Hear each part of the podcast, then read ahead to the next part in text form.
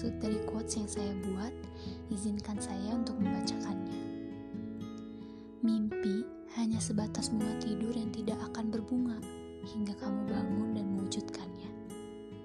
Saya tahu semua orang pernah, masih, dan akan terus bermimpi.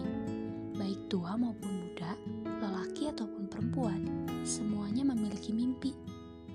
Kalaupun ada orang yang sudah menyerah terhadap mimpinya, saya yakin masih ada sisa dari harapan yang lainnya.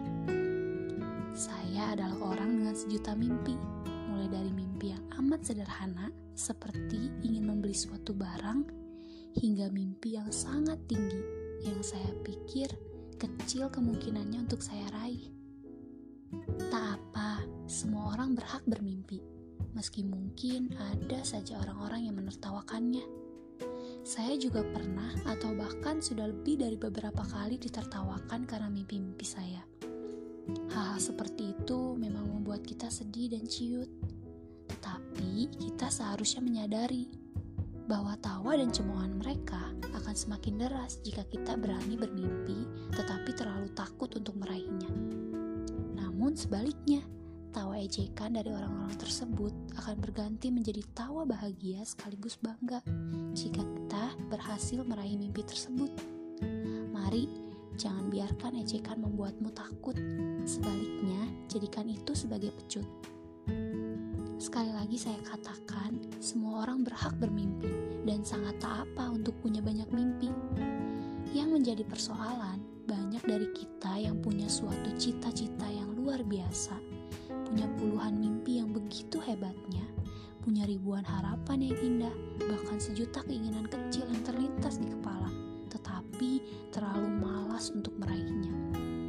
Kemalasan merupakan musuh utama bagi para sang pemimpi terutama anak muda zaman sekarang yang sudah terlalu dimanjakan dengan teknologi yang mempermudah segalanya, sehingga membuat kita terlalu malas untuk melakukan suatu hal yang membutuhkan usaha lebih sulit. Kita sudah terbiasa melakukan segala hal dengan serba instan, sehingga terlalu jenuh ketika kita harus menempuh suatu proses yang membutuhkan kesabaran dan memakan waktu lebih banyak. Jika kita lihat fenomena-fenomena yang terjadi sekarang ini, kebanyakan anak muda lebih menyukai berkutat dengan ponsel pintarnya, bermain sosial media, dan bahkan hanya bermalas-malasan di kamarnya. Atau yang sekarang ini anak muda biasa menyebutnya dengan istilah rebahan. Nah, quotes yang saya buat ini berkaitan dengan istilah rebahan itu. Maksud dari quotes saya, mimpi, cita-cita, harapan, impian, dan keinginan selamanya akan tetap menjadi angan-angan. Tidak akan pernah menjadi nyata selama pekerjaanmu hanya rebahan dan bermalas-malasan.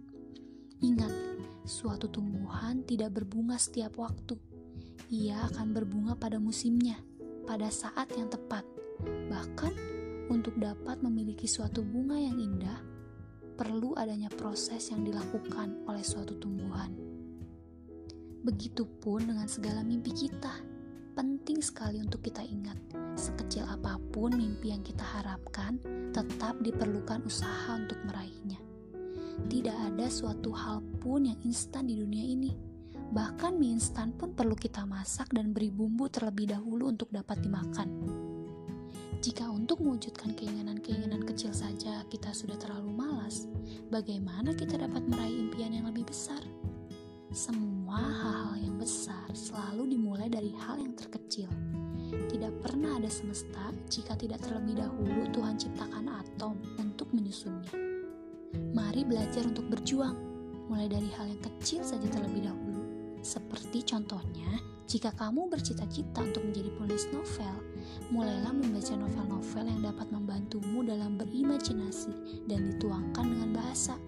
Bukan hanya terus membaca caption dari postingan foto temanmu yang kamu temui di setiap menggulir beranda Instagram.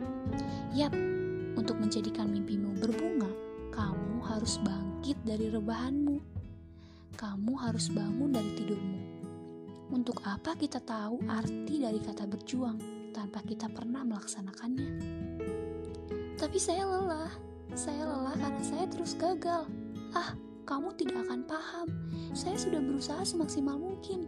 Saya sudah lakukan semua yang saya bisa. Saya rasa saya tidak akan pernah berhasil mewujudkannya. Mungkin sebagian orang dari kita akan berkata seperti itu. Tepatnya, orang-orang yang sudah terlalu lelah untuk meraih mimpinya. Saya tahu, tidak ada manusia yang lebih paham rasa sakit, air mata, dan lelahmu selain dirimu sendiri. Tapi, bolehkah saya mengingatkanmu suatu hal? Tidak ada proses yang mudah. Bahkan alam pun mengajari kita tentang hal ini. Tidak akan ada hujan tanpa air harus menerima panas dan menguap terlebih dahulu. Tidak ada pisau yang tajam jika tidak diasah tidak ada embun tanpa dinginnya udara menjelang pagi. Tidak ada emas sebelum ditempa dan lebur terlebih dahulu. Semua ini hanya tentang proses. Sekarang giliranmu mengingat-ingat, apakah usaha yang katamu maksimal sudah benar-benar maksimal? Apakah semua yang sudah kamu lakukan memang benar-benar semua yang kamu bisa? Tentu kita sudah mendengar banyak kisah tentang tokoh-tokoh hebat di dunia yang berhasil setelah berteman dengan banyak kegagalan. Salah satunya adalah Thomas Alva Edison yang telah gagal sebanyak 9.955 kali hingga akhirnya berhasil menemukan lampu pijar. Bayangkan jika saat itu beliau menyerah. Mungkin penemuannya yang luar biasa itu tidak akan bisa kita dan bahkan seluruh dunia gunakan hingga saat ini. Oleh sebab itu, jangan menyerah dan takut pada kegagalan sampai kegagalan yang menyerah padamu. Tidak ada usaha sekecil apa pun yang sia-sia, bahkan jika kamu harus mengalami kegagalan. Karena kegagalan itu tidak pernah datang sendirian. Ia selalu membawa serta pelajaran untuk ikut bersamanya. Ketika kita gagal, maka kita juga belajar. Belajar menemukan kesalahan dan memperbaikinya. Sehingga semakin banyak kita gagal, semakin banyak pula kita bangkit untuk belajar dan memperbaiki. Kita jadi kenal siapa diri kita dan bagaimana menangani diri kita.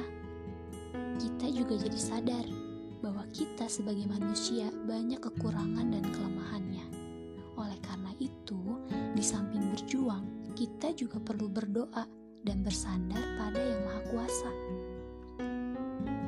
Jadi, berhasil itu bukan perihal kuantitas kegagalan, tetapi tentang kualitas perjuangan. Bagaimana kita terus meningkatkan diri kita, tak peduli seberapa banyak pun jumlah kegagalan kita. Ini juga berarti bahwa percuma saja jika kita terus gagal dan terus mencoba kembali ribuan kali tetapi tanpa belajar dari kegagalan itu dan terus mengabaikan kesalahan kecil sekalipun. Ya, jika seperti itu, kapan mau berhasil? Sekarang yang perlu kita cek adalah kualitas perjuangan kita. Sudahkah kita terus memperbaiki apa yang perlu kita perbaiki dan meningkatkan apa yang perlu kita tingkatkan? Perubahan sekecil apa pun tetaplah baik selama kita melakukannya. Ingat perkataan saya di awal tadi? Semua hal-hal besar selalu dimulai dengan hal-hal yang lebih kecil. Akhirnya, saya ingin menyimpulkan semua yang telah saya paparkan. Jangan pernah malu untuk bermimpi. Jangan pernah menyepelekan hal-hal yang kecil dan sederhana. Teruslah berjuang melawan kemalasan dan kegagalanmu, dan tetaplah berdoa. Saya percaya jika kita semua melakukan hal-hal ini, bunga-bunga mimpi kita akan bermekaran. Terima kasih dan salam semangat.